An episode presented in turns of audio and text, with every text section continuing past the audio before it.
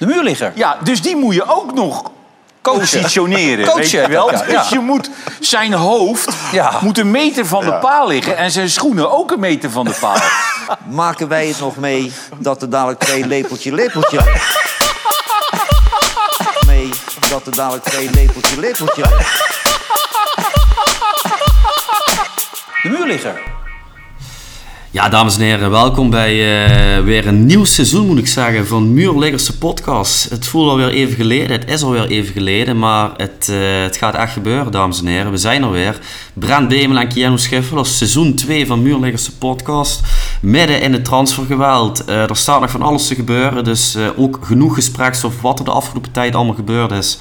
Maar goed, ten eerste, Brent, welkom bij seizoen 2 van Muurliggerse Podcast. Dankjewel Keanu, wat een, eh, wat, een, eh, wat een eer man. Ik heb het gemist. Ja, heb je het gemist? Ik heb het al gemist, ja. Ik moet weer even in het systeem komen dat we, dat we weer alles gaan bespreken wat wekelijks gebeurt. Ja, ik ben bang eh, of we daar even de tijd voor nodig moeten hebben. Maar het kan ook zo zijn dat we er meteen wel lekker in gaan rollen.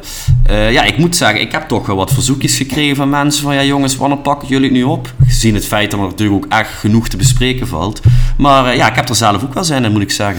Ja, het is natuurlijk zo dat, eh, dat we bewust even hadden gezegd... We kunnen wel iedere week nu iedere transfer of ieder transfergerucht gaan bespreken. Het heeft natuurlijk vrij weinig zin. Ik denk dat het goed is dat we nu inschakelen. We staan eigenlijk op de vooravond van de start van eh, in ieder geval bijna alle competities. We hebben veel gehad aan eh, supercups, community shields, dat soort zaken. De voorrondes voor de Europese ehm, seizoenen, competities zijn ook alweer begonnen. Dus ik denk dat dit een ideaal moment is. En eh, ik wil eigenlijk voorstellen om er gewoon met eh gestrekt been in te gaan. Nou, zou ik jou dan meteen een brutale vraag mogen stellen? Dat mag jij, Keanu, zeker. Als je nu echt één moment eruit kan lichten, hè, wat is tot nu toe, als je de maand juni, juli en augustus erbij pakt, jouw moment van de zomer? Ik heb denk ik niet heel specifiek één individueel moment op zich. Maar wat voor mij persoonlijk, ook als ik een beetje kijk naar de club die ik support, toch wel het moment van de zomer is. En vind is de echt hele duidelijke eh, transferstrategie die Arsenal aan het voeren is. Eh, ik denk echt dat eh, de club op dit moment laat zien ja, dat er eigenlijk nog maar één gedachte is. En dat is gewoon, wij gaan echt voor alles wat er te winnen valt. Eh, we gaan voor iedere kans. Geld is op dit moment, ik wil niet zeggen geen rol, maar er kan geïnvesteerd worden. Volgens mij was de maand juli nog niet begonnen en we hadden eigenlijk al drie top targets binnen. Declan Rice, Julian Timber en Kai Havertz. Daar wordt op dit moment eh, deze week eh, tweede keeper David Raya aan toegevoegd. Om dus ook nog voor competitie te zorgen.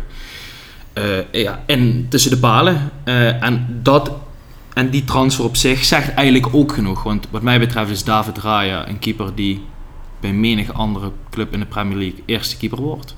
Maar die gaat dus nu het gevecht aan met Ramsdale. Wat voor mij ook een prima eerste keeper is. Potentieel nummer 1 van Engeland eh, in de toekomst. Eh, en ik denk dat dat wel iets is wat ik echt heel, eh, heel fantastisch vind om te zien. Helemaal omdat je daarmee ook laat zien, na een City, na andere ploegen. Ja, dit was niet een, eh, een, een eenmalig dit seizoen wat we afgelopen seizoen hebben gehad. Wij zijn er echt om te blijven en om zorgen te maken. En dat heeft mij best wel een... eh, ja, ik, ik kijk nog meer uit naar het seizoen eigenlijk al dan toen het eh, vorig seizoen net afgelopen was. Ja, met natuurlijk wel in het bijzonder de transfer van, van Declan Rice. Ja, ik, dat, ik denk dat ik daar over een half jaar echt, echt van kan gaan genieten. Maar ik denk wel dat we daarmee laten zien dat, ja, dat City eh, iets te vrezen heeft dit seizoen. Ja, want je zegt we gaan eh, dit seizoen ervoor om alles te winnen wat er te winnen valt. En is afgelopen weekend is al een goed begin geweest, toch? Afgelopen weekend was een, eh, was een fijn begin. Want kijk, eh, we kunnen daar natuurlijk lang of breed over discussiëren. Als je die wedstrijd verliest, zeg je, dit is maar een oefenwedstrijd. Als je wint, is het allemaal leuk en aardig en mooi meegenomen en is het de eerste prijs. Ik denk vooral dat het een mentale boost is. Je laat, eh, volgens mij eh, is het vorig seizoen niet gelukt in de, drie in de twee competities, de drie wedstrijden die we tegen City hebben gespeeld om de wedstrijd te winnen. Eh, volgens mij de afgelopen seizoen ook niet gelukt om een wedstrijd te winnen. Ja, als je er nu het seizoen start tegen een soort van je aardsrivaal in ieder geval van afgelopen seizoen. en die wedstrijd wint, een manier waarop is natuurlijk ook nog wel kan me best voorstellen dat dat, dat het een mooi eerste streepje is om, om weg te strepen dit seizoen. En ehm, Ja, ik, eh, ik, eh, ik ben er wel positief over. Ik denk niet dat ik hier overigens heel negatief had gezeten als ze die wedstrijd verloren hadden. Daar ben ik wel ook heel eerlijk in. En als je zaterdag bijvoorbeeld verlies of gelijk speelt tegen Forest, dan is die wedstrijd Ja. weer in, in perspectief geplaatst. Maar dat is voor mij eh, eerlijk gezegd wel een hoogtepunt van dit seizoen. Dus eigenlijk de, de topclubmentaliteit die nu echt ook ten uiting komt op alle fronten bij Arsenal. Ja, dat vind ik mooi om te zien, man. En buiten Arsenal heb je dan ook één moment wat je heel erg opvallend kan benoemen. Mm, nee, ik denk dat er een aantal momenten op transfergebied nog wel, eh, nog wel gaan, eh, ter sprake gaan komen. Iets later in de podcast. Eh, nee, ik heb even 1, 2, 3 niet iets op Netflix, man. Als ik de vraag dan terugstel aan jou. Ehm, ja, weet je, dan probeer ik toch even terug te visu- visu- visualiseren naar eind mei, begin juni, denk ik, de laatste podcast die we hebben opgenomen. Als je ziet wat toen nog tijd de actualiteiten zijn en wat nu de actualiteiten zijn. En als ik die hele periode dan terugpak, ja, dan is voor mij eh, ja, het opvallendste deze zomer was trouwens dat eh, Mark Rutte ermee stopt. Maar laten we er geen politieke eh, uitzending van maken. Nee, maar, dat, dat, dat is ook nog gebeurd Ja. tussendoor, hè. Ja. maar op voetbalgebied, ja, Maurice Stijn, nieuwe trainer Ajax. Als je dat eind mei, begin juni had gezegd, dan had je me ik opgegeven voor het gesticht of zo. Maar eh, ja, dat is nu wel echt de Ja, realiteit. Volgens mij eh, was de laatste titel van onze podcast eh Maurice Stijn wordt de nieuwe Erik ten Hag. Iets in die, iets in die richting, meen ik. volgens mij, we hebben dit nog kort besproken. Alleen was het toen wel of niet definitief rond. Maar ik vind het ook wel... ja, ik zag deze week clipjes voorbij komen van de wedstrijd tegen Dortmund. En zie je hem langs de lijn. En dan denk ik... Klopt niet. Snap je wat ik bedoel? Nee, daar staat de assistent of zo. ja. Er staat de teammanager of het- niks ten nadele van die, van die man. Maar het is, ja, het is nog wennen. En ik denk dat als je het dan over Ajax hebt, dat ik het sowieso wel een vrij ehm, ja, rustig, stil, beetje ondermaats transferseizoen is. De spelers waar ze aan gelinkt worden.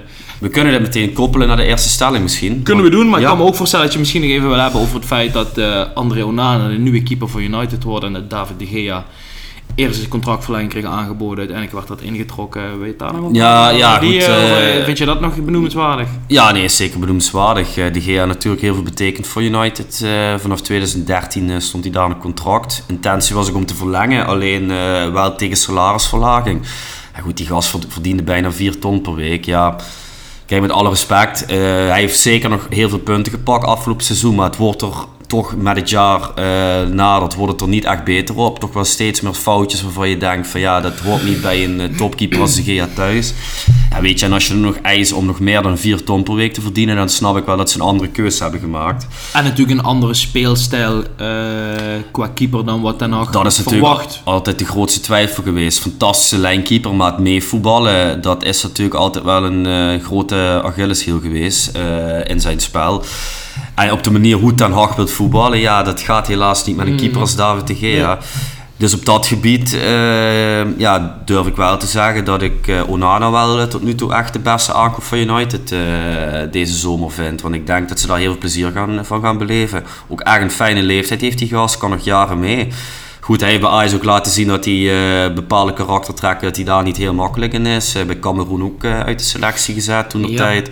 Dus hopen dat dat allemaal goed En er gaat. zit ook wel een foutje in, helemaal als de linie voor hem niet heel stabiel is. Ja. Eh, wat natuurlijk toch ook wel afgelopen seizoenen een, ja, een, een issue bij United is geweest. Hè? Zeker, ik verwacht, wel dat daar nog wat, eh, ik verwacht wel dat daar nog wat gaat gebeuren. Want vandaag werd Ja. bekend dat eh, Maguire eh, hoogstwaarschijnlijk de overstap naar West Ham gaat maken. Ja. Dus hij is natuurlijk wel echt een steunpilaar die je dan mist in de selectie. Dus zeg wel moet- leuk dat wij eigenlijk West Ham het geld hebben gegeven, zodat ze vervolgens Harry Maguire kunnen kopen. Misschien McTominay daar ook nog. En Alvarez. Ja, ja, ik, Ja, ja, shit. ja, onbegrijpelijk. Ik kan me niet voorstellen dat de West Ham supporters daar blij mee zijn. Maar ja, schijnbaar zien ze toch allemaal iets in Maguire. Wat wij dan niet zien. Kijk, hij kan natuurlijk daar wel iets meer met zijn kont tegen de 16 aan verdedigen. Dat liggen waarschijnlijk wel iets meer. Maar ja, het blijft natuurlijk een, eh, een verdediger die eh, wel altijd goed is voor 1 à 2 schoonheidsfoutjes per Ja, wedstrijd. maar ik denk ook dat de druk bij een West Ham eh, minder is. Hij komt daar soort van met een schone lei binnen. Dus ik denk dat dat wel interessant is. Valt me alleen eigenlijk iets in. Eh, we weten natuurlijk eh, welke stellingen we gaan behandelen. Maar er is nog wel een ding wat voor mij eruit springt deze zomer. Wat wij niet behandeld hebben. Maar het eh, transfergeweld in en rondom de competitie in Saudi-Arabië. En Ja. eigenlijk alle topspelers en, en en niet topspelers, maar ook jonge spelers in de piek van hun carrière die die stap maken daarin. En eh, ergens voelde het als een ver van je bed show. En je moet er niet te veel over nadenken. En leuk dat een Benzema en een Kanté en een Ronaldo zo die competitie opzoeken. Maar ergens is het ook wel een beetje eh, een smet op het, eh, op het wereldvoetbal, vind ik. En het heeft niks te maken met per se... Ja, het heeft ook te maken met het land. Het heeft ni- niks per se te maken met de competitie. Maar ja, de manier waarop en wat voor structuren aan de achterkant plaatsvinden. Hè, en Newcastle United, wat, eh, die een Saudi-Arabische eigenaar hebben... moeten vanwege alle transfers die ze willen doen aan de financial fair play regels voldoen verkopen Alain Saint-Maximin aan een Saudi-Arabische club voor 40 miljoen, wat echt veel geld is. Ruben Neves, die van Wolves naar Saudi-Arabië gaat, die vervolgens wordt gelinkt om verhuurd te worden aan Newcastle United. Chelsea, wat de halve selectie naar Saudi-Arabië verkoopt. Ehm, wat tot Bowie, de eigenaar, mede-investeerder is in volgens mij dat PIF, wat al die clubs bezit. Ja, dus het zijn Ja, echt dat is één pot rare constructies, Ja. man. Daar maak ik mij wel enigszins zorgen om. Ja, we hebben het volgens mij die laatste podcast heel even de revue laten passeren. Dat, dat je wel echt een ontwikkeling gaande zag eh, richting de competitie Ja, van Saoedi-Arabië. Zo, zo extreem zou zijn. Maar dat is natuurlijk wel echt eh, extreem eh, geëscaleerd inderdaad. Ik denk dat ik niet lieg als er misschien wel eh 40 spelers uit topcompetities eh, die kant op zijn gegaan, man. Ook van jonge talenten van Roma eh, of, of, of, of eh, Benfica die gewoon die kant op gaan. Ja, ja, weet je, Puur het geld. als die jongens zoals Messi naar Amerika gaan, dan heb ik er een heel ander gevoel bij dan naar zo'n eh Saoedi-Arabië. Ja, ik heb daar ergens ook nog wel wat meer charme voor. Dan dat ik denk, ja kijk, dat Inter Miami is alles behalve een topclub. En begrijp me niet verkeerd, volgens mij heeft Messi zelfs aandelen in de competitie gekregen. Mhm. Maar ergens snap ik dat wel, want hij verkiest uiteindelijk niet het geld. Ja, goed, moeten die jongens er nog over geld nadenken, kun je dan zelf afvragen. Ja, die Maar- anderen doen dat schijnbaar wel. Maar die anderen doen het wel. En Ja. vooral zo'n jongen als Ruben Neves, die werd volgens mij een paar seizoenen geleden nog aan zowel United als Arsenal gelinkt. Dan denk ik, wat ga je nou in godsnaam in de piek van je carrière? Al is het maar een jaar, daar voetballen. Ja, ik snap dat ook niet. Ik weet die, eh, die Edouard Mendy, die eh, keeper van Chelsea, ouwe, die heeft echt twee Ja, fenomenale seizoenen bij Chelsea gehad. Ja, goed, door dat waardeloze seizoen eh, kwam hij er dan afgelopen seizoen ernaast te zitten. Gaat dan nu naar Saoedi-Arabië. Ja, ik denk einde carrière. ja denk ik ook. Ja, dat on- denk ik ja tuurlijk, kijk, en tuurlijk, kijk, die jongens die kunnen zich financieel onafhankelijk voetballen. Prima allemaal. Maar eh, ja, de sportieve ambities eh, die zijn natuurlijk heel erg ver te zoeken als je dit soort keuzes maakt. Ja, ben je ervan overtuigd als ze maar lang genoeg, eh, veel genoeg spelers die kant op halen en ook uitstrijken over de verschillende clubs in Saudi-Arabië, dat je toch een interessante competitie kunt krijgen. Ja, Kijk, ik denk dat, dat dat in Europa echt totaal zich niet gaat ontwikkelen. Nee. Dat Nee, hier, Kijk, de Amerikaanse competitie heeft zich in zekere zin ook ontwikkeld. Hè? Van de tijden toen ze daarmee opkwamen eigenlijk iets soortgelijks gebeurd. Maar ik kan me niet herinneren de laatste keer dat ik een wedstrijd van de MLS heb opgezet. nee, dat niet. Maar weet je, als je ESPN op hebt, dan zie je toch af en toe een samenvatting voorbij komen. En dat is prima. Maar ja, Ja. je gaat natuurlijk niet uitzoeken hoe je rechten krijgt op eh Saoedische televisies om naar Ronaldo, Benzema en Kanté te Nee, kijken. maar dit gaat wel gebeuren. Ja, ze, ze gaan het aanbieden, maar ik kan me niet voorstellen dat mensen ervoor gaan betalen. Nee. Of je moet echt geen leven hebben natuurlijk. Nee, maar nee, ja, goed. Maar ehm, wil je meteen het bruggetje maken? Of heb je nog een ander moment eh, van je zomer tot dusver Ja, te goed. Wie weet dat er nog dadelijk midden in de podcast eh, van alles binnen gaat vallen. Maar laten we gewoon met de stellingen beginnen. Misschien dat het vandaag een beetje van hot, hot naar her gaat. Moeten er Eh, wel even in komen. hè? moeten er wel even in komen. Dus ik hoop dat de luisteraars ons dat ook een beetje vergeven. Brent, de stellingen, daar komen ze. Stelling 1. Ajax mag blij zijn met de derde plek komend seizoen. Eens. Eens. Stelling 2. Arsenal en City gaan onderling de titelstrijd uitvechten in Engeland. Eens. Mm, ik zeg oneens. Stelling 3. Roda heeft zich goed genoeg versterkt om dit seizoen mee te doen om de bovenste vijf plekken. Oneens. Oneens. Harry Kane tekent het doodvonnis van zijn carrière als hij nog een jaar bij Tottenham blijft. Eens. Eens. En tot slot. Paris Saint-Germain staat in zijn recht om Kylian Mbappé uit de selectie te zetten. Mm, oneens. Ik zeg eens. Oké, dat is mooi. Nou, laten we dan maar meteen dan, eh, weer terug bij Stijn, Ajax, eh, competitie. Ja, Hoe sta je erin? Ja, waar moet je in godsnaam begienen, man? Ehm, Jij ja. bent, je, voor de mensen die het niet weten, het tweede seizoen mocht het eerste seizoen niet, eh, niet duidelijk genoeg zijn, maar jij eh, bent ajax Eh ja, hoe kijk je van aanstellen tot nu, naar in ieder geval de eerste maanden van de trainerscarrière van Maurice Stijn bij Ajax? Ehm, Maar misschien wel betrekking wat breder de vraag, sorry, ook van de Misland dat alles wat achter de schermen aan de hand is. Is er meer rust? Is er minder rust? Hoe, hoe sta je erin? Ja goed, je kan ten eerste wel echt concluderen dat, eh, want vanaf 2017 is er natuurlijk wel echt met die Europa League finale is er wel echt iets opgezet bij Ajax. En eh, met het jaar werd het constant beter, beter en beter. En ze hebben echt samen met eh, bepaalde individuen binnen de club iets opgebouwd. Ja, dan is het toch wel echt tekenend eh, voor het feit dat je binnen negen maanden gewoon zo diep kan zinken als club zijn. Hè. Ja, nee, ik zie, eh, als ik aan Ajax denk, dan zie ik eigenlijk alleen maar pure onrust. En eh, kijk, natuurlijk, ik doe ook lacherig over Maurice Stijn, maar ja, het is heel treurig om te zeggen, maar hij is echt de enige stabiele factor momenteel binnen Ajax. Op de manier hoe hij zich presenteert naar buiten, want ja, hij wordt echt met niks gesteund, natuurlijk, met woorden wel, maar als je ziet eh, hoe Mislim dat eh, hem ondersteunt eh, om goede spelers te leveren, om ook echt iets te bereiken met een elftal en zich echt te revancheren voor een afgelopen seizoen. Ja, dan is dat natuurlijk wel echt heel treurig. Ik heb Ajax uiteraard ja, goed gevolgd in de voorbereiding. Ja, dan heeft iedere voorbereiding hebben ze dan met een centrum gespeeld. met een jonge Deense verdediger van 18. Daarnaast staat dan Hato eh, links centraal achterin, die is 17 jaar. Dan hebben ze linksback Wijndal staan, die ze vorig jaar voor 10 miljoen gehaald hebben. Die echt geen schimmer is. eh, geen moment trouwens sinds hij naar is gegaan. Geen schimmer is van de speler van AZ. Uh, Rens stond ooit te boek als een groot talent. Maar eh, ja, die is ook eigenlijk, heeft nooit meer dat niveau kunnen Nee. halen.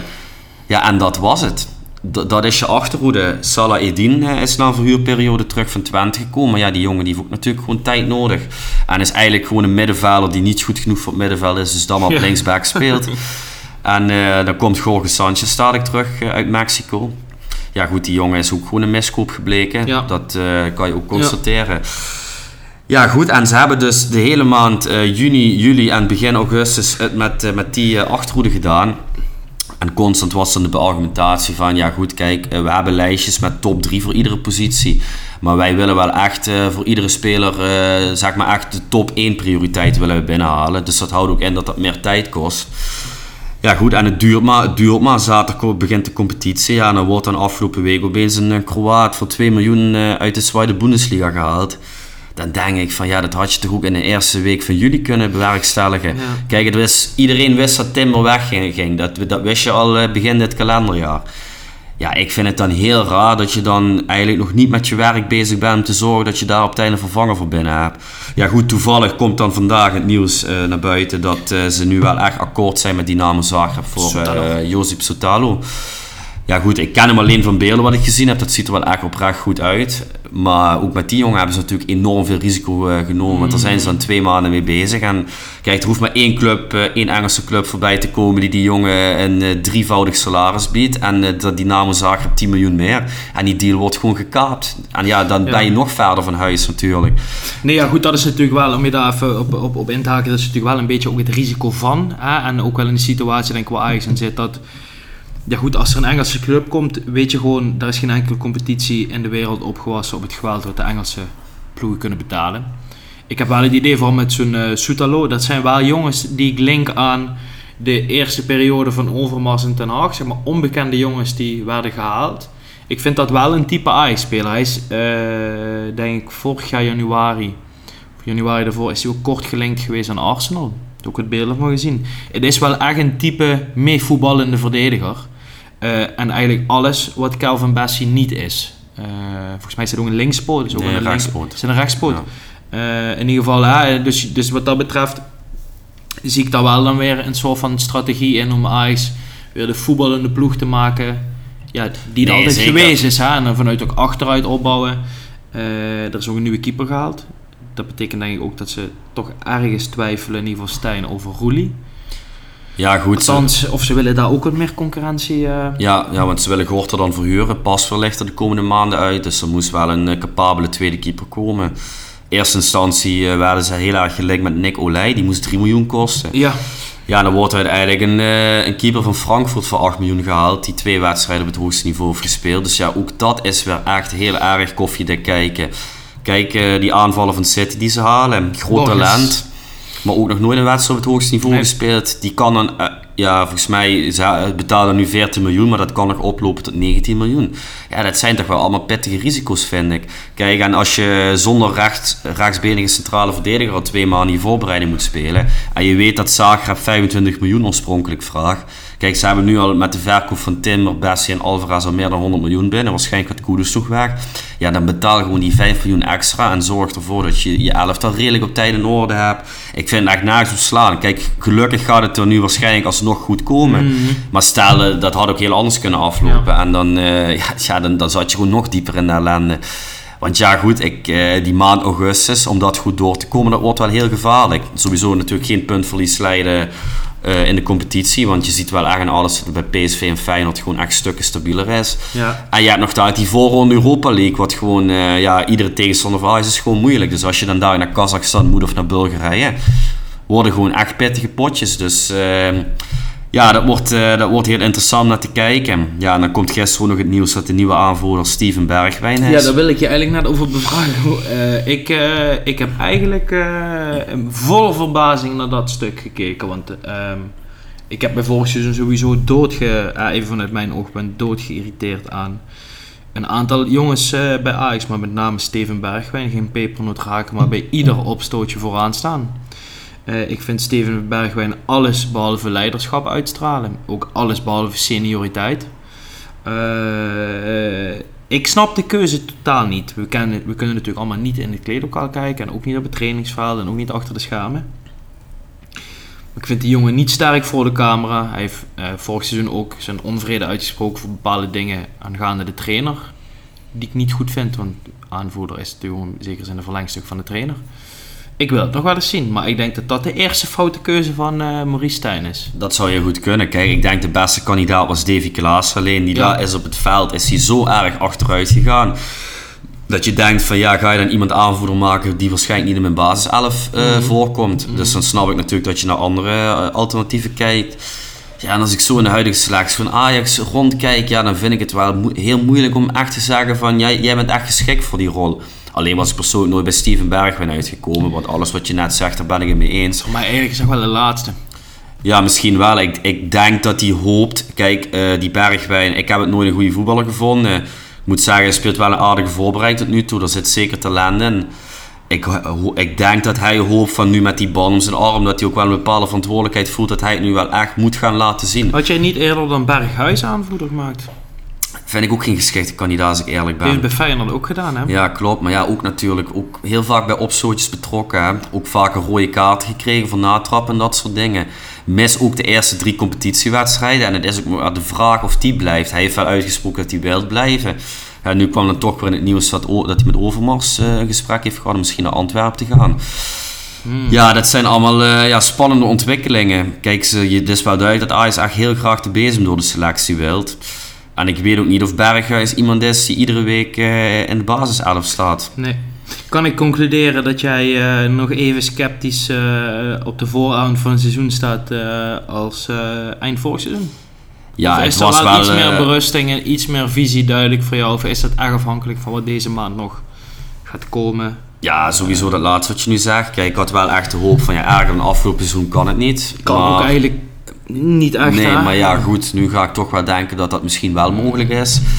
Ehm, het enige wat ik echt hoop uitput is dat echt niemand wat van Ajax verwacht dit seizoen. Nee. Weet je, Ajax is echt En Ajax zelf misschien ook niet. Nee, precies. En Ajax is echt een lachertje nu. En eh, weet je, dat mag ook allemaal. En iedereen kijkt naar Feyenoord en PSV. Dat snap ik ook allemaal wel. Misschien juist die underdog-rol, dat kan misschien toch nog hopelijk ergens, dat hoop ik als fan, nog een positieve eh, draai krijgen in de loop van het seizoen. Over die, eh, over die laatste twee gesproken, zie je daar dan wel echt eh, dusdanige verbeteringen? ehm, dat je zegt, die gaan er echt met z'n tweeën vandoor aan de competitie beslissen. Want ik moet je heel eerlijk zeggen dat ik wel het idee heb dat Feyenoord nog wel even nodig heeft om, wat ik heb gezien, dan om eh, van s- over spelers als Kukshoe en zo heen te komen, die toch zo bepalend waren voor het spel, spelverdeling, spelopbouw. Ik denk dat Feyenoord zich erg goed versterkt heeft. Het feit dat Jiménez blijft is voor een echt een, eh, echt een boost. Het feit dat Arne Slot natuurlijk blijft ook. De beste transfer eigenlijk. Ja, ik las ook dat eh, Bart Nieuwkoop vandaag terugkomt. Gertruida blijft. Waarschijnlijk voorlopig die transfer die vanuit Leipzig is Afgeketst. afgeketst. Die Kroaat komt van Zagreb, hè, die buitenspeler. Ja, dat ze hebben, die, te eh, ze hebben die eh, Japanse knul die nu nog met de Ja. wijkvergunning moet krijgen. Spits uit Duitsland. Eh, bij Cercle Brugge. Oh, Cercle Brugge vandaan gehaald. Ja. Eh, Schijnt een hele goede speler te zijn. ja, ik, eh, ik, ik, vind, ik vind dat interessant. Eh, PSV is voor mij een beetje... Het, ik moet het nog zien wat er gaat gebeuren. Ik vind, eh, ik vind Noah Lang een hele leuke transfer eh, voor, eh, voor PSV. Maar ik ben vooral benieuwd wat, eh, wat Peter Bos nou daadwerkelijk kan bewerkstelligen. Ze winnen natuurlijk gisteren met 4-1 de eerste wedstrijd voor in de Champions League. Vrijdag de Johan Cruijffschaal van Feyenoord. die Johan Cruijffschaal van Feyenoord. Denk jij dat eh, PSV misschien op dit moment eh, de beste papieren heeft? Of is het voor jou nog altijd Feyenoord? Hmm, ja, ik vind wel dat eh, nu in deze fase van het seizoen dat PSV misschien wel een streepje voor heeft op Feyenoord.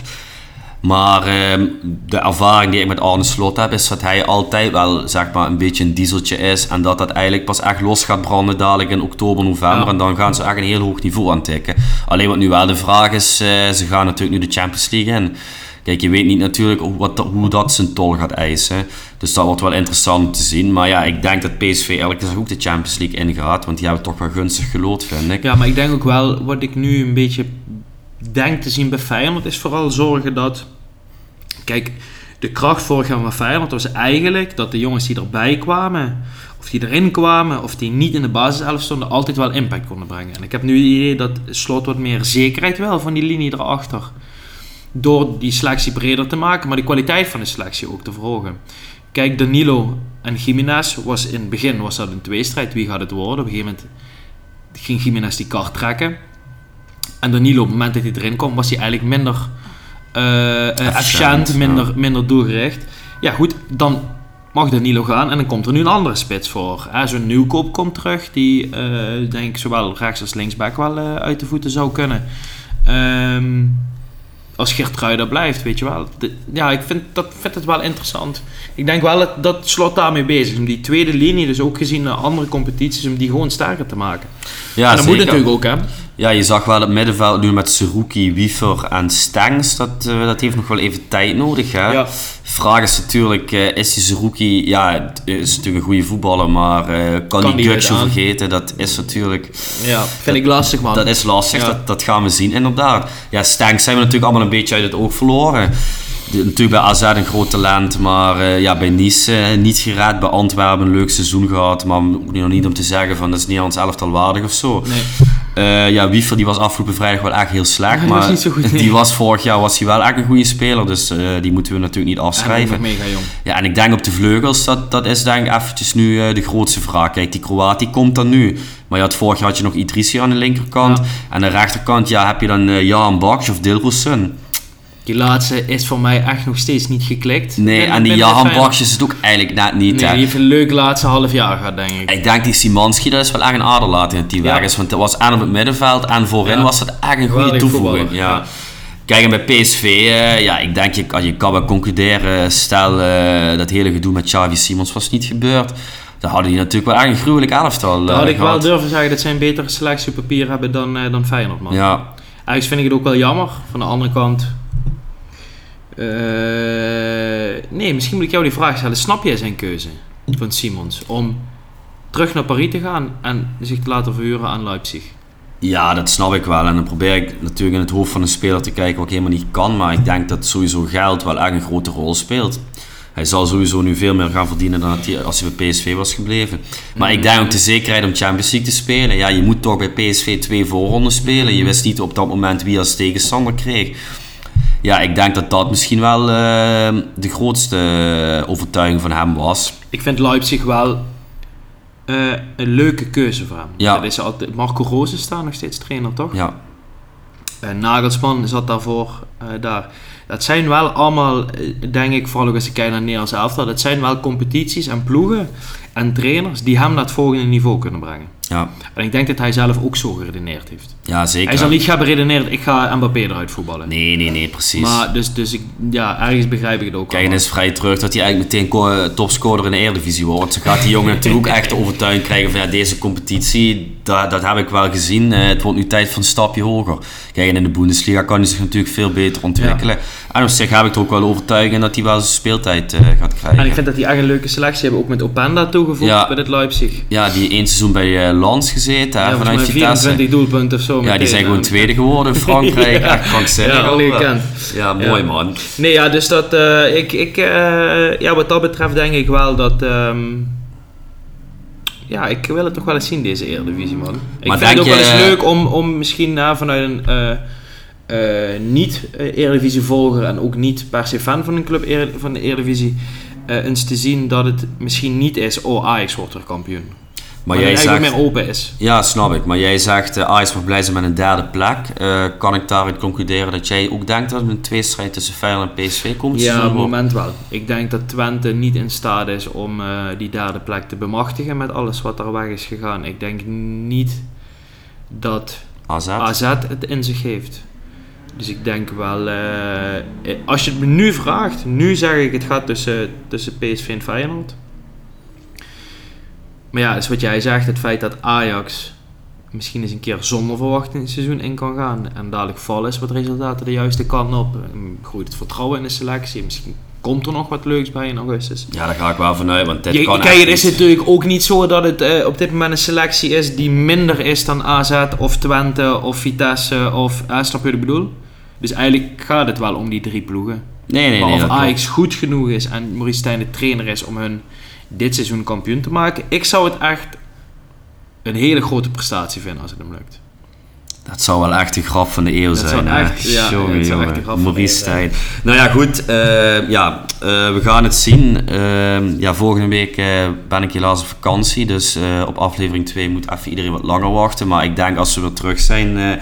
dat de wereld er weer heel anders uitziet Dat denk ik eh, ook. bij Ajax. Dus eh, we gaan het sowieso volgen. Hey, eh Brand, stelling 2 eh, was Arsenal en City gaan onderling de titelstrijd uitvechten in Engeland. Afgelopen zondag leuke pot. Community Shield. Ja, Jij hebt meer gezien dan ik. ja, klopt. Ja, het was wel echt veel zappen, want tegelijkertijd speelde Ajax een oefenwedstrijd tegen Dortmund en United eh, speelde ook nog een oefenwedstrijd tegen Atletiek de Bilbao. Dus het was even lastig, een drie wedstrijden tegelijk. Eh, City natuurlijk de treble gewonnen afgelopen seizoen, dus eh, Arsenal als nummer 2 als runner-up mochten ze tegen City spelen. Wonnen uiteindelijk die pot. Ehm, ja, goed, ik moet zeggen, van een afstand is het natuurlijk wel heel interessant om te zien eh, wat er allemaal bij Arsenal aan het gebeuren is. En ehm, ja, goed, er komt misschien toch een iets ander soort druk nu op komend seizoen. Maar ik denk wel dat je selectie zo dusdanig versterkt hebt dat ze wel echt serieus mee gaan doen. En het wordt natuurlijk ook interessant om bij City te zien ehm, ja, of bij hun nog de honger echt aanwezig is. Want je hebt nu toch eigenlijk alles, een beetje alles gewonnen wat er te winnen valt. Die Gvardiol van Leipzig die ze hebben gehaald. Ik heb hem niet eh, vaak genoeg in het werk gezien om nou te zeggen van dat is echt een topper. Maar ik neem aan als er 90 miljoen voor betaald wordt. Duurste verdediger aller tijden dat ik er wel redelijk vanuit kan gaan. Maar verder met aankopen als zo'n Kovacic en zo ben ik daar niet heel erg van onder de indruk. De vervanger, als dat de vervanger moet zijn van een uh, Gundogan. Gundogan. Ehm, eh, Mahrez ook weg. je ook niet dat Mahrez weg is. Bernardo Silva wil nog steeds weg. Walker die zal nu toch blijven. Die kon naar Bayern, daar komen we daar nog wel even op. Eh, op, op Duitsland naar Bayern München. Nee ja, kijk. Volgens mij was het Gary Neville die het zei. Eh, iemand die ik eh, niet hoog heb zitten en wiens mening ook, ik totaal ook niet respecteer, maar waar ik me wel in kon vinden. Eh, ik denk wel dat wij alles gaan hebben gedaan op dit moment binnen onze krachten en middelen om het gat richting City zo ver mogelijk te dichten. Als in qua selectie, breedte van de selectie, diversiteit en kanten die je op kunt. Het grote probleem van Arsenal, vooral op het einde van het seizoen, is wij waren eigenlijk... Onze basiself kon je van tevoren op papier zetten. Eerste seizoenshelft waren we niet te stoppen omdat we iedere tegenstander verrasten. Het was het nieuwe Arsenal, hè? maar nu aan het einde van het seizoen was eigenlijk het trucje wel bekend. En hadden ploegen als Southampton en zo door. En hadden we die, eh, dat verrassingselement niet meer. Omdat opeens inderdaad, hè, nu dan een Kai Havertz in de spits start. Het was altijd of Jesus of Nketiah. Hetzelfde type speler. Nu staat er een Havertz. Ehm ja, Rice wordt gehaald dan waarschijnlijk als vervanger van Party, maar die komt nu in de Chaka-rol. Eh, Timber wordt gehaald als rechtsback, begint op linksback. Snap je wat ik bedoel? En allemaal dimensies die we in de selectie hebben toegevoegd. Waardoor ik vind dat het pre-season een beetje... Ik wil niet zeggen dat het minder is, maar vorig seizoen was het geweldig. Wonnen we iedere wedstrijd, had ik echt zoiets voor. Dus hier aan de hand, wat gaat gebeuren? En die lijn trok je door. Eh, dus ik was ook wel enigszins sceptisch natuurlijk over afgelopen zondag. Maar als je gaat zien wat in de selectie zit en wat... Ik heb natuurlijk heel veel teruggezien van zondag. Ik heb het niet live kunnen kijken. Ehm, ik had wel echt het gevoel in alle beelden wat ik heb gezien... City overklaste ons niet. En we lieten City de eerste 20 minuten komen, maar in een gecontroleerde manier. Haaland heeft volgens mij geen bal geraakt in die wedstrijd. Eh, en dat zegt ook wel veel als je dus een ploeg als City gecontroleerd kunt laten komen. En ehm, ja, ik vind dat interessant. Ik vind het een interessante dimensie. Ik zeg niet met droge ogen, wij worden kampioen. Maar vorig seizoen heb ik het volgens mij drie kwart jaar proberen af te schieten. En heb ik gezegd, nee, het gaat hem niet worden. Uiteindelijk eh, is dat ook een soort verdedigingsmechanisme voor jezelf natuurlijk, om teleurstellingen te voorkomen. Maar ehm, ik geef ons wel een grote kans. Een hele grote kans zelfs, om het dit seizoen te gaan doen. En denk je dat City gewoon City blijft? Of denk je dat dat ook misschien eens een keertje kan gaan instorten? Nou ja, wat je eigenlijk ziet bij City, is dat zij eh, nu een beetje in hun volgende fase zitten. Er zijn een aantal jongens die zijn vertrokken, gaan vertrekken. Bepalende spelers, hele bepalende spelers zelfs. Hè. Mares Gundogan, misschien gaat Walker nog, misschien gaat Silva nog. Ja goed, daar halen ze dan wat mij betreft de, de verdediger van het WK voor terug, die Guardiol. Maar goed, ja, dat, eh, die zal er vast zeker staan. Ik geloof er ook helemaal in. Maar ja, moet toch ook nog maar even blijken. De assistent-trainer van Pep is vertrokken. Eh, die al jaren naast hem zat. En de vraag is natuurlijk, zit er ergens bij die spelers de gedachte van, ja shit, we hebben vorig seizoen alles gewonnen. Ja, moeten die weer gemotiveerd worden? Volgens mij wijzen ze niet in de topsport, maar ik kan me toch voorstellen dat er ergens meespeelt. Ja, Dus je zou natuurlijk zeggen, City is eh, nog steeds voor mij de beste ploeg ter wereld op dit moment. Maar dat wil niet zeggen dat zij weer even weer de treble winnen. En ja, als je me nu vraagt, wat, eh, wat zijn de kansen? Dan durf ik wel eh, 50-50 te zeggen. oké. En eh, dat, dat gaat dus, naar jouw mening, gaat het wel een tweestrijd worden? Of denk je ja, dat iemand ik, eh, anders ik, streep, eh, ik streep Liverpool, eh, Chelsea eh, niet af. Eh, al eh, die laatste vind ik eigenlijk een beetje in de categorie United. Die zijn bezig onder Pochettino aan een soort van ja, rebuild. Daar is volgens mij de afgelopen anderhalf jaar zijn er maar liefst 15 spelers eh, door de deur heen gegaan en weer vertrokken. En nu komt er weer wat bij. Halen ze die Nkunku, die is nu meteen weer voor de eerste maanden geblesseerd. Jullie Ja. halen een spits die maar één wedstrijd in de week kan voetballen omdat hij geblesseerd is. Gaan de geruchten. Ehm, nee, maar ik denk, ik denk dat die ploegen nog niet zo ver zijn. Liverpool ben ik wel benieuwd naar. Ja, maar die hebben eigenlijk vrij weinig gedaan. Die hebben alleen die Hongaar gehaald en die McAllister. Ja, maar dat waren wel echt op posities waar vorig seizoen dus gewoon niks hadden. Namelijk middenveld. Ja, Fabinho is dan nu wel weg. Fabinho Henderson is weg, Henderson is weg. Maar die jongens die waren ook wel einde Latijn. Eh Luis Diaz is weer terug, die veel geblesseerd is geweest. Dat is wel een geweldige speler. Mhm. Gakpo gaat een, een, een, een interessant seizoen tegemoet. Nee, ik, ik zie in Liverpool wel meer een, eh, een tegenstander, een titelkandidaat dan eh, eh, United en of Chelsea. En Wellicht. United heeft dat vooral te maken, en Chelsea ook wat ik zeg. Die zijn in een iets andere fase op dit moment. Wellicht wel een voordeel voor Liverpool komend seizoen dat ze in Europa League actief zijn, niet in de Champions League. Want ja, je weet, die eerste seizoen zelf kan je gewoon eigenlijk altijd met een tweede team door die Ja. groepfase heen fietsen. Wat, ehm, ja, wat is jouw visie daarop dan? Want jij zit natuurlijk, eh, ah, ook als United supporter, ook eh, eh, nauwlettend en diep in de Premier League. Is het zo of is het misschien juist interessanter dan ooit? Nee, nee, nee, zeker Arsenal en City die zijn wel echt een stuk verder. Eh, We dus- waren het niet eens over de stelling. Nee, ja, dat is misschien dan toch eh, ook omdat ik wel verwacht dat eh, Liverpool en Chelsea, die hebben natuurlijk echt een waardeloos seizoen afgelopen seizoen gehad. Dan verwacht toch ergens een revanche. Chelsea heeft natuurlijk helemaal geen Maar Chelsea voetbal. meer dan United? Ja, ik, Ik kijk, bij United, nou. bij United heb ik wel gewoon de hoop. ehm, kijk, vorig seizoen is er natuurlijk wel echt een transitie ingezet. Want hoe Ten Hag daar binnen is gekomen, was het natuurlijk... Ja, erger kon eigenlijk bijna niet. Nou, fantastisch wat hij het eerste seizoen bewerkstelligd heeft. En ik hoop nu wel echt dat stap 2 en stap 3 gezet kunnen worden. En in mijn optiek is dat je wel gewoon tot maart ongeveer mee kan doen. Kijk, uiteindelijk zou je dan uiteindelijk tekort schieten, dat, dat hou je toch niet tegen. Maar eh, ja, ik vind op zich ook wel dat er redelijk gericht versterkt is.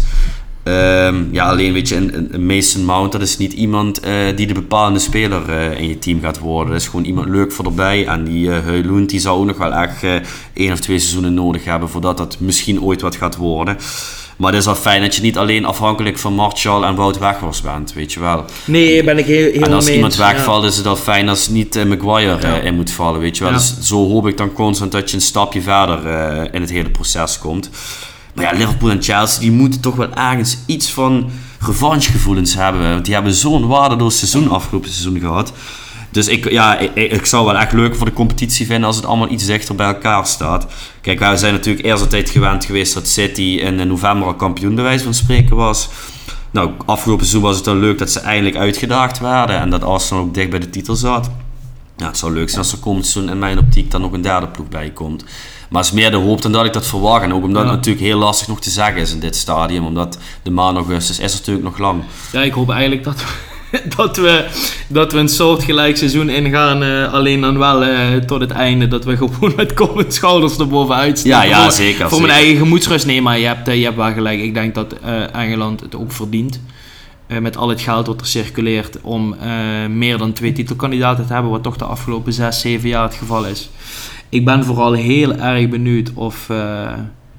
kijk, Liverpool is het één jaar gelukt.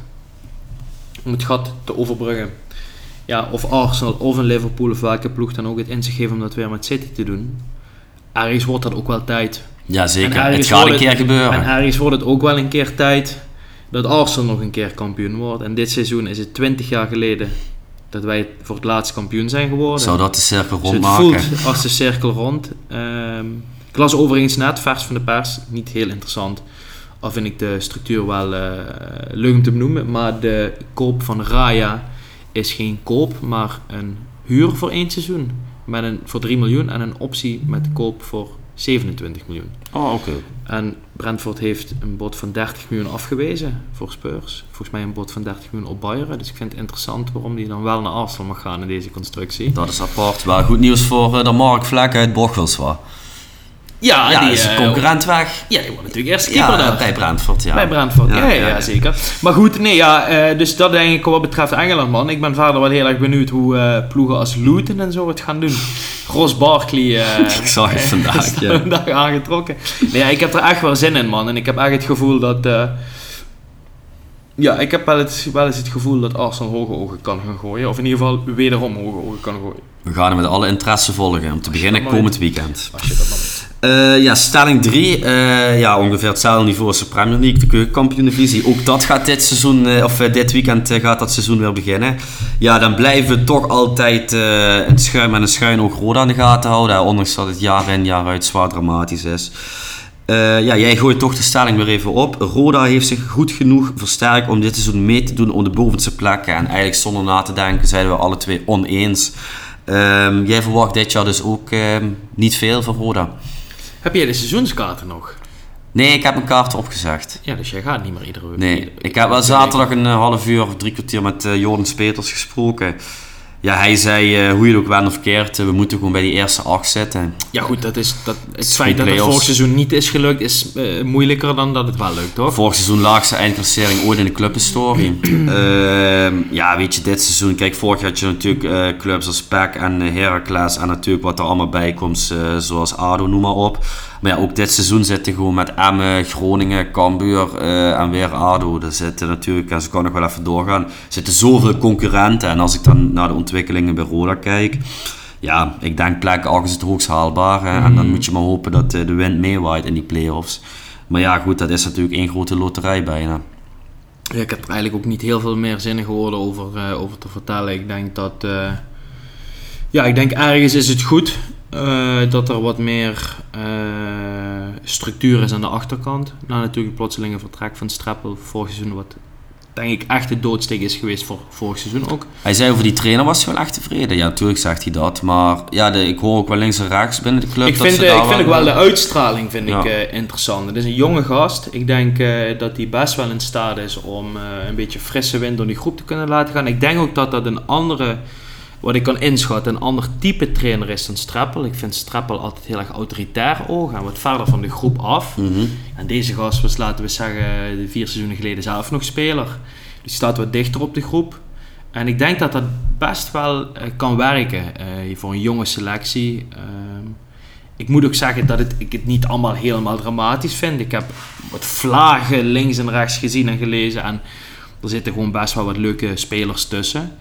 Ja, misschien is het ook wel eens goed voor Roda en de supporters om ook eens niet met al te veel verwachtingen dit seizoen in te gaan. Want je weet toch een beetje, eh, de, de eh, slapende rustmentaliteit is altijd wel een ding geweest de afgelopen jaren. Ook onder de supporters. En hoe kan het? We moeten promoveren. En ik heb altijd gedacht, ja, zo makkelijk is het niet. Je hebt het geld niet, je hebt de financiën niet. En ik heb wel het gevoel dat dat wat minder heerst. Ook in een situatie dat niet heel veel slechter kan dan vorig seizoen. Dus alles kan alleen maar beter eigenlijk. Dus ik denk dat dat misschien nog wel eens wat positiefs met zich mee gaat brengen. Maar om nu te zeggen dat er eigenlijk aan een selectie gebouwd is om eh, voor de bovenste vijf plekken of laat staan directe promotie mee te doen, ja, dat is gewoon niet het geval. Eh, en ik denk ook wel dat daar eh, nog heel veel voor moet gaan gebeuren. Ja, hij zei vooral over die achterhoede was hij echt heel erg content over. Er zijn natuurlijk vooral veel Belgische jongens gehaald. eh, en Duitsers, dus ja goed, die heb ik eerlijk gezegd nooit aan het werk gezien. Maar ehm, ja, dat klonk wel veelbelovend. En ehm, ja, verder gaan we het zien man. Wat vond je van, eh, wat vond je van de transfer van Dylan Vente? Ik vind het leuk voor Vente. 9 ton, wel een nette prijs hè? Voor iemand ja, die voor iemand die nog één, eh, jaar contract heeft. Ik vind dat een hele nette prijs. Ik denk wel dat Roda het geld hard nodig heeft. Eh, ja, voor, hem persoonlijk denk ik een geweldige stap om in de Schotse competitie te gaan voetballen. Toch wat anders. Volgens mij werd hij in de winter gelinkt naar New York Red Bulls en zo. Is toch wat anders. Ja, zeker. Nu die, ehm die spits die Groningen heeft gehaald is vorig seizoen topscorer geworden in de Schotse Premiership. Ik ben even zijn naam vergeten. Kevin van Veen. Kevin van Veen. Ik zeg niet dat Dylan Vente het in zich heeft, maar ja, het is wel eh, dichter bij de Engelse competitie kun je niet komen. Ja. Schotland. Hij was eh, twee weken geleden was hij bij mij op het werk. Ik zei van, en jongen, het zou toch wel een van de laatste keren nu zijn dat ik jou zie. Hè? Hij zei van, ja man, duurt allemaal veel te lang, duurt allemaal veel te lang, ben er helemaal klaar mee. Ik zei van, ja, wat wil je nou eigenlijk? Wil je gewoon binnen Europa blijven? Ja, ja, sowieso, sowieso, maar ik kan er niet te veel over zeggen. En toen had hij getekend daar.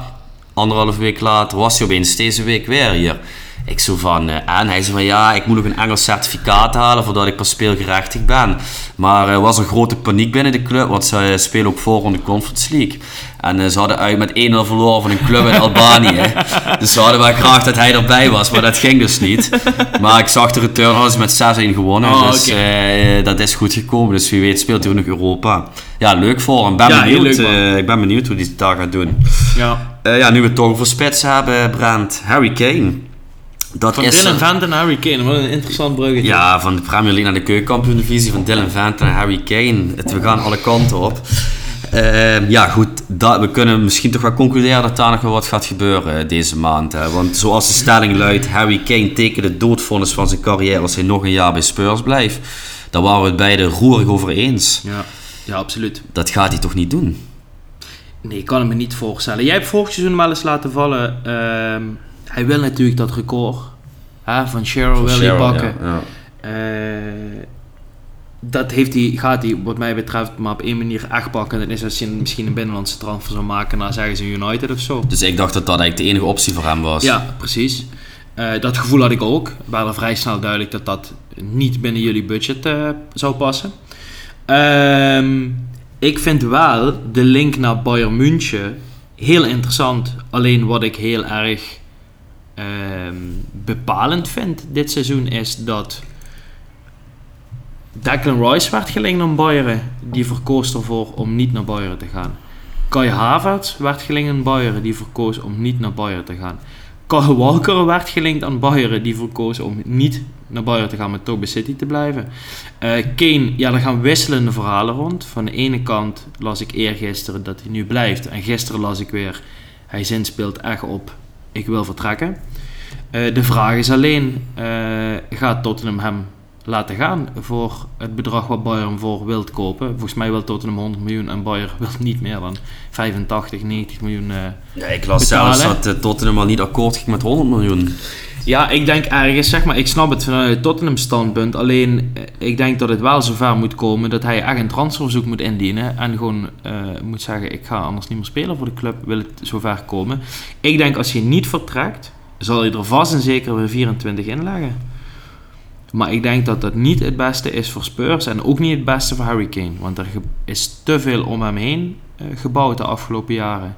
Ook hun geen Europees Eh, voetbal, hè? Nee, geen Europees voetbal.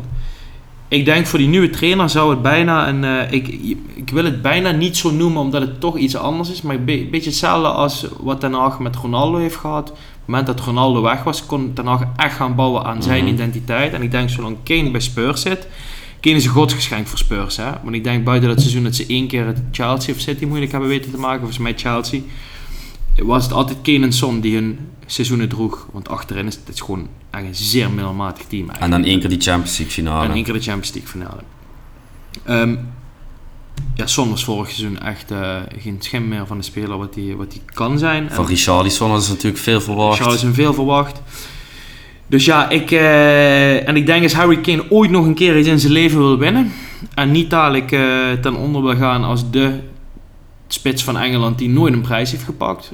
Waardoor je eigenlijk dus het lachertje van Engeland bent, wat mij Mhm. betreft. Ja, zal hij dit seizoen echt moeten gaan Ja. ondertussen 30, 31. Ja, dit is je kans, ouwe. We gaan nog drie seizoenen prijzen pakken in Duitsland. Misschien wil je nog wel een keer de Champions League. Maar anders gaat het niet worden. Dan, dan ik, ja. En wat vind je dat Tottenham moet doen? Moet je nu nog dat geld voor hem vangen? Of ehm, moet je hem nog een jaar bij je houden? Dat hij misschien nog eh, zorgt voor een hoge eindklassering voor Tottenham. En eh, je dan je verlies nemen en Ik gratis denk dat, laten gaan. dat de club eens uit hun hoofd moet zetten dat ze een topclub zijn. Want dat zijn ze niet. Snap je? Misschien de afgelopen jaren traditioneel gezien een top 6 ploeg. Maar de laatste prijs in 1962 gepakt. Daarbij wat mij betreft geen topclub. Dus ergens die mentaliteit loslaten en opnieuw gaan bouwen. Ja, je pakt die 85 miljoen, investeer dat in een jongere spits, je selectie en ga weer bouwen aan, ja, aan iets nieuws. Dat is wat ik vind. Alleen ja, ergens snap ik ook wel dat je natuurlijk... Kijk, Harry Kane staat gewoon garant voor 24 doelpunten. En 24 doelpunten betekent gewoon dat je wedstrijden gaat winnen. Ik moet je even rectificeren, want ik wist dat ook helemaal niet. Maar ik was voor eh, het begin van eh, City Arsenal afgelopen zondag was ik een voorstukje van de Community Shield aan het kijken. En eh dan zag ik dus hoe vaak jullie die gewonnen hadden. En het 17 scheen, keer. Het scheen in de jaren 90 eh, Oh. dat je met een gelijk spel dat je de trofee deelde met de tegenstander. Oh. En toen was Tottenham Arsenal een keer de Community Shield finale. En toen hebben jullie uit mijn hoofd in 92 hebben jullie die prijs gedeeld. Dus laatste prijs niet 1962, maar gedeeld met Arsenal in 1992. Wil ik toch even benoemen. Ja, voor altijd in onze schade. Ja, ja. Maar, ehm, nee ja, eh, oké, ja, sorry. Dat- Nee, ja, ik snap dat je nu van je apropos bent, maar... ja, ik eh, ben helemaal van mijn. Nee, maar ik bedoel, ergens denk ik dat Daniel Levy die gedachte gewoon eh, opzij moet zetten. En zijn ego ook. Ik denk namelijk niet dat Tottenham er beter van wordt. Want als het nu niet is gebeurd het volgend seizoen of het seizoen daarna, dat betekent twee seizoenen minder om aan een nieuwe selectie te bouwen. betekent misschien weer twee seizoenen geen Europees voetbal, of net toe wel, net niet. Is ook niet goed voor een club die wel op dat soort financiën draait. Zeker. Ik denk juist dat het heel goed is voor Tottenham om Kane weg te doen. Mm. Tuurlijk, je weet wat je aan hem hebt, maar kijk, nu moet iedereen wel in dienst van Kane Mm. gaan spelen. En dat houdt er ook dus in dat bepaalde jongens minder kunnen excelleren, Ja. die zeker ook wel kwaliteit hebben. Dus ik denk dat dat heel goed is. Maar ja, goed. Ja, die voorzitter van het Spurs, dat is zo'n apart ventje. Ik, eh, ja, hij zou het beter weten. Maar eh, ja, ik ben wel heel benieuwd Nee, wat dat deze niet maand beter gaat. weten, want dan word je niet de eigenaar van een club als Tottenham Hotspur. Ja, dat is uiteraard eh, jouw eh, constatering. Ben je het ook er niet mee eens dat ze Mickey van der Ven voor 50 miljoen gehaald hebben dan? Zonde, weer een jongen afgeschreven. Het is een geweldige voor die gast, of niet al? hè? Nee, Twee jaar geleden met Volendam en de keukenkampioen divisie en nu bij Tottenham voor 50 miljoen. Nee, hij heeft natuurlijk eigenlijk een fantastisch seizoen gehad. En een disqualificatie naar Ajax, PSV en Feyenoord. Die zo iemand dan eigenlijk gewoon laten lopen. Ja. Ja, ja, nee, ja. Goed, eh, leuke transfer. 50 miljoen, meen ik. Mhm.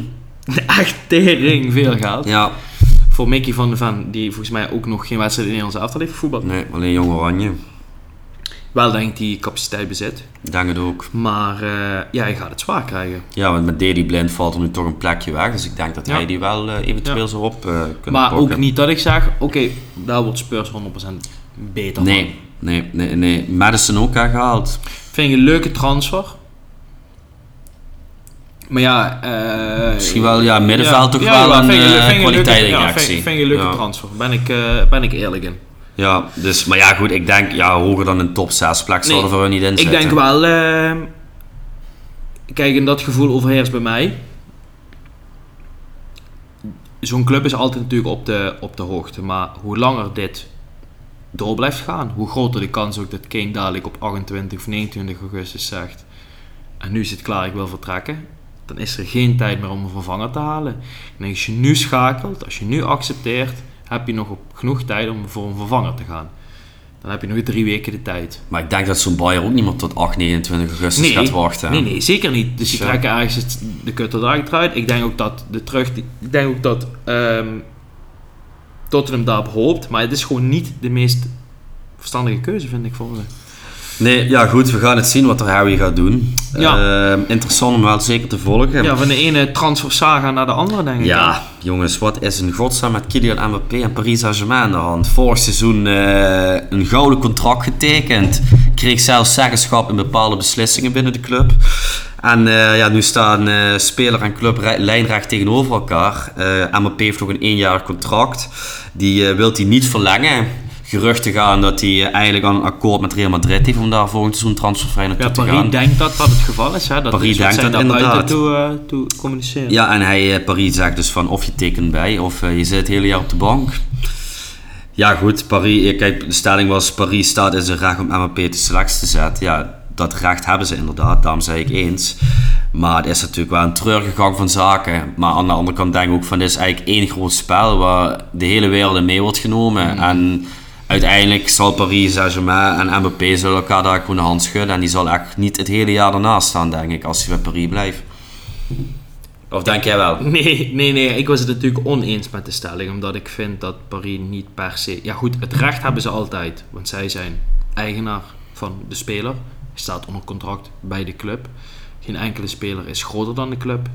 Maar ik vind het niet zo gek dat Mbappé heeft geweigerd om contractverlenging te tekenen. Ehm, ik snap natuurlijk dat Paris zoiets heeft van... We willen niet dat je volgend seizoen transfervrij de deur uitloopt. Maar ik kan me ook niet voorstellen dat Mbappé dit nooit heeft gecommuniceerd toen hij vorig seizoen het contract tekende. Want anders had hij wel voor zes jaar getekend. Ja goed. Toch, kijk, en eh, volgens mij hebben we vorig jaar de discussie gehad dat ik het eigenlijk echt, en volgens mij vonden wij het allebei treurig vond dat hij geld verkoos boven de stap naar Real Madrid.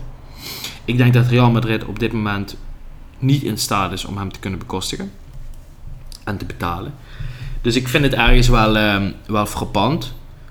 Van de andere kant denk ik, Paris Saint-Germain is in geen enkele situatie in de luxe positie om hun beste speler ernaast te laten. Luis Enrique is niet naar Paris Saint-Germain gekomen om niet met Mbappé te gaan spelen. In ieder geval om Mbappé week in week uit op de tribune te mogen zien. Kijk, als hij vertrekt, vertrekt hij. Ehm, ze hebben nu Gonzalo Ramos gehaald, hè? 80 miljoen. 80 miljoen. Een leuke spits. Hele leuke spits. Dat doen ze ook niet zomaar, denk ik. Mhm. Dus ja, ergens, ergens wil ik nog wel eens zien. Ik betwijfel wel oprecht of er een ploeg gaat komen die Paris nu gaat verlossen van Mbappé, als dat de wens is. En ja, nogmaals, als het dus echt tot een soort van eh ja, vete gaat komen en blijven dat zij eh, er niet uit gaan komen. Ik zie het gewoon niet gebeuren dat hij het hele seizoen op de bank gaat zitten. Dat kan toch niet? Nee, dat gaat sowieso niet gebeuren. Dus ehm, dat Maar zal... ja, waar kan Mbappé naartoe? Behalve Real Madrid. Ik denk gewoon dat of, Paris... City, eh, of, of zo, snap je? ja, ik ik, denk dat hij niet weggaat. En ik denk dat Paris gewoon eh, hun standpunt gaat verliezen. En dat ze echt wel Mbappé gewoon dadelijk gaan opstellen. Maar ik denk wel echt dat hij bij zijn eh, keuze blijft om niet bij te tekenen. Want ja, goed, kijk, we kunnen wel inmiddels concluderen... Het Paris wat in 2012, 2013 met dit project begonnen is... om een keer uiteindelijk die Champions League te winnen... Daar staan ze verder van weg dan ooit. ja, dat- had- zonder Mbappé. Ja, dat had al lang moeten gebeuren. En eh, kijk, natuurlijk met Messi toen uh, afgelopen seizoen erbij was natuurlijk de hoop van dit is het laatste stapje wat we nodig hebben. Maar dat is er eerder erger op geworden in plaats van beter. Ja. Dus ehm, ja, goed, dat, eh, nee, ja, ik denk dat dat hun echt niet meer eh, gaat lukken. In ieder geval niet op korte termijn. Nee, ja, het is ook interessant wel om te zien dat... ehm, volgens mij eind juli verliep de clausule in het contract om automatisch bij te tekenen. Die optie is niet gelicht. Meen ik. Dus het is nu inderdaad nog een jaar contract. Ik denk wel dat het heel bepalend voor zijn carrière gaat zijn als Mbappé niet een seizoen gaat, eh, gaat spelen. Wat ik wel heb gelezen is, hij heeft het eh, aanbod wat hij van Saudi-Arabië heeft gekregen. Wat ging hij verdienen? 700 miljoen in één jaar. Ja. Maar dan mocht hij transfervrij naar Real Madrid of zo. Mm, Dat heeft hij afgewezen, zodat hij blijkbaar staat er een bepaalde loyaliteitsclausule in zijn contract. Waardoor als hij zich aan het contract houdt en Paris zou het ontbinden, dan krijgt hij 70 miljoen mee of zo. Dat is dus ook natuurlijk nog een optie. Dat Ja, het wacht tot Paris het contract ontbindt. Ik kan me niet voorstellen.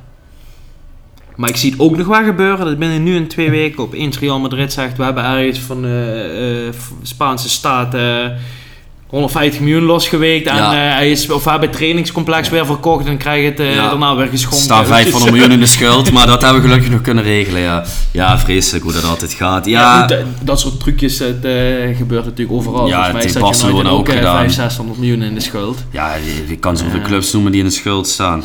Nee, maar ik, we gaan het wel op de voet volgen. Ik denk de laatste twee stellingen, zowel Kane als Mbappé, gaan wel echt de transfersagas worden die tot de allerlaatste seconde van deze transferperiode gaan door, eh, Absoluut. doordreunen. Absoluut. Ja, goed. ehm, dan denk ik dat we alleen maar kunnen concluderen dat het nog een hele interessante maand gaat worden. En ehm, ja, ik weet niet, heb je nog een bepaald potje waar je komend seizoen, eh, of komend seizoen, komend weekend... Komend eh, seizoen naar uitkijkt? Ja, komend weekend naar uitkijkt, buiten het feit dat natuurlijk Arsenal het seizoen opent. Eh, nee, eigenlijk niet, man. Nee, Chelsea-Liverpool zondag, hè? Chelsea-Liverpool is zondag. Nee, ik, eh, ik vind het gewoon hartstikke fijn dat het weer gaat beginnen. Ik eh, heb het gemist. Ehm, nee, ja, ik heb, er, ik heb er zin in, man. Ik, eh, ik ga met volle, volle moed, volle vertrouwen het seizoen in. We gaan het weer volgen. Waarschijnlijk over eh, twee weken is het weer allemaal kut. en dan hebben we weer een totaal andere podcast. Maar dit is ik wel altijd het leukste moment van het jaar. Ja, het gaat er beginnen, de selecties zijn een beetje rond aan het komen. Je gaat nieuwe jongens zien, alles kan weer. alles van volgens is dus weer vergeten. Zo snel gaat het natuurlijk in het voetbal. Nee, ik heb er echt zin in, man. nou ja, dat lijkt me een mooie afsluiting, toch? Ja, heb jij nog iets eh, waar je naar uitkijkt? Heb je nog iets bijzonders, benoemenswaardigs? Nee, ja, uiteraard ben ik wel echt benieuwd eh, of Ajax zaterdag gaat winnen van Heracles, want dat gaat echt een uitdaging worden. Ehm, ja, Chelsea-Liverpool lijkt wel een leuke pot. Eh, en daarnaast natuurlijk ook de seizoensopening van United, die beginnen maandag tegen Wolverhampton. En verder ook, eh, ja, hetzelfde wat jij zegt, weet je, je zit nu in een fase dat je heel positief gestemd bent en hoopvol van het gaat allemaal weer beginnen, we gaan er weer voor. Ja, en over twee weken kan het weer allemaal ontzettend kloten zijn en dat is ook het leuke aan voetbal natuurlijk. Ja, overigens, eh, de eerste trainer in de Premier League is al vertrokken voordat de competitie gestart is. Lopetegui. Lopetegui is, eh, is weg bij Wolves. Dat hing natuurlijk wel een Ja. tijdje in de lucht. Hè. Dat wisten ze eigenlijk al van elkaar. Hè? Maar eh Hij wilde vreselijk dat dat een week voor, eh voordat Ja. je begin in de competitie naar buiten komt. Want hij wilde blijven tot er een vervanger aangesteld werd, maar dat is uiteindelijk niet gelukt eh, tot Nee, op heden. Nee, en het Dus, had voornamelijk te maken met het feit dat er gewoon niet geïnvesteerd kon worden. hè. ja, Ja, ik, ik denk, ik hoop eerlijk gezegd dat we de trend van...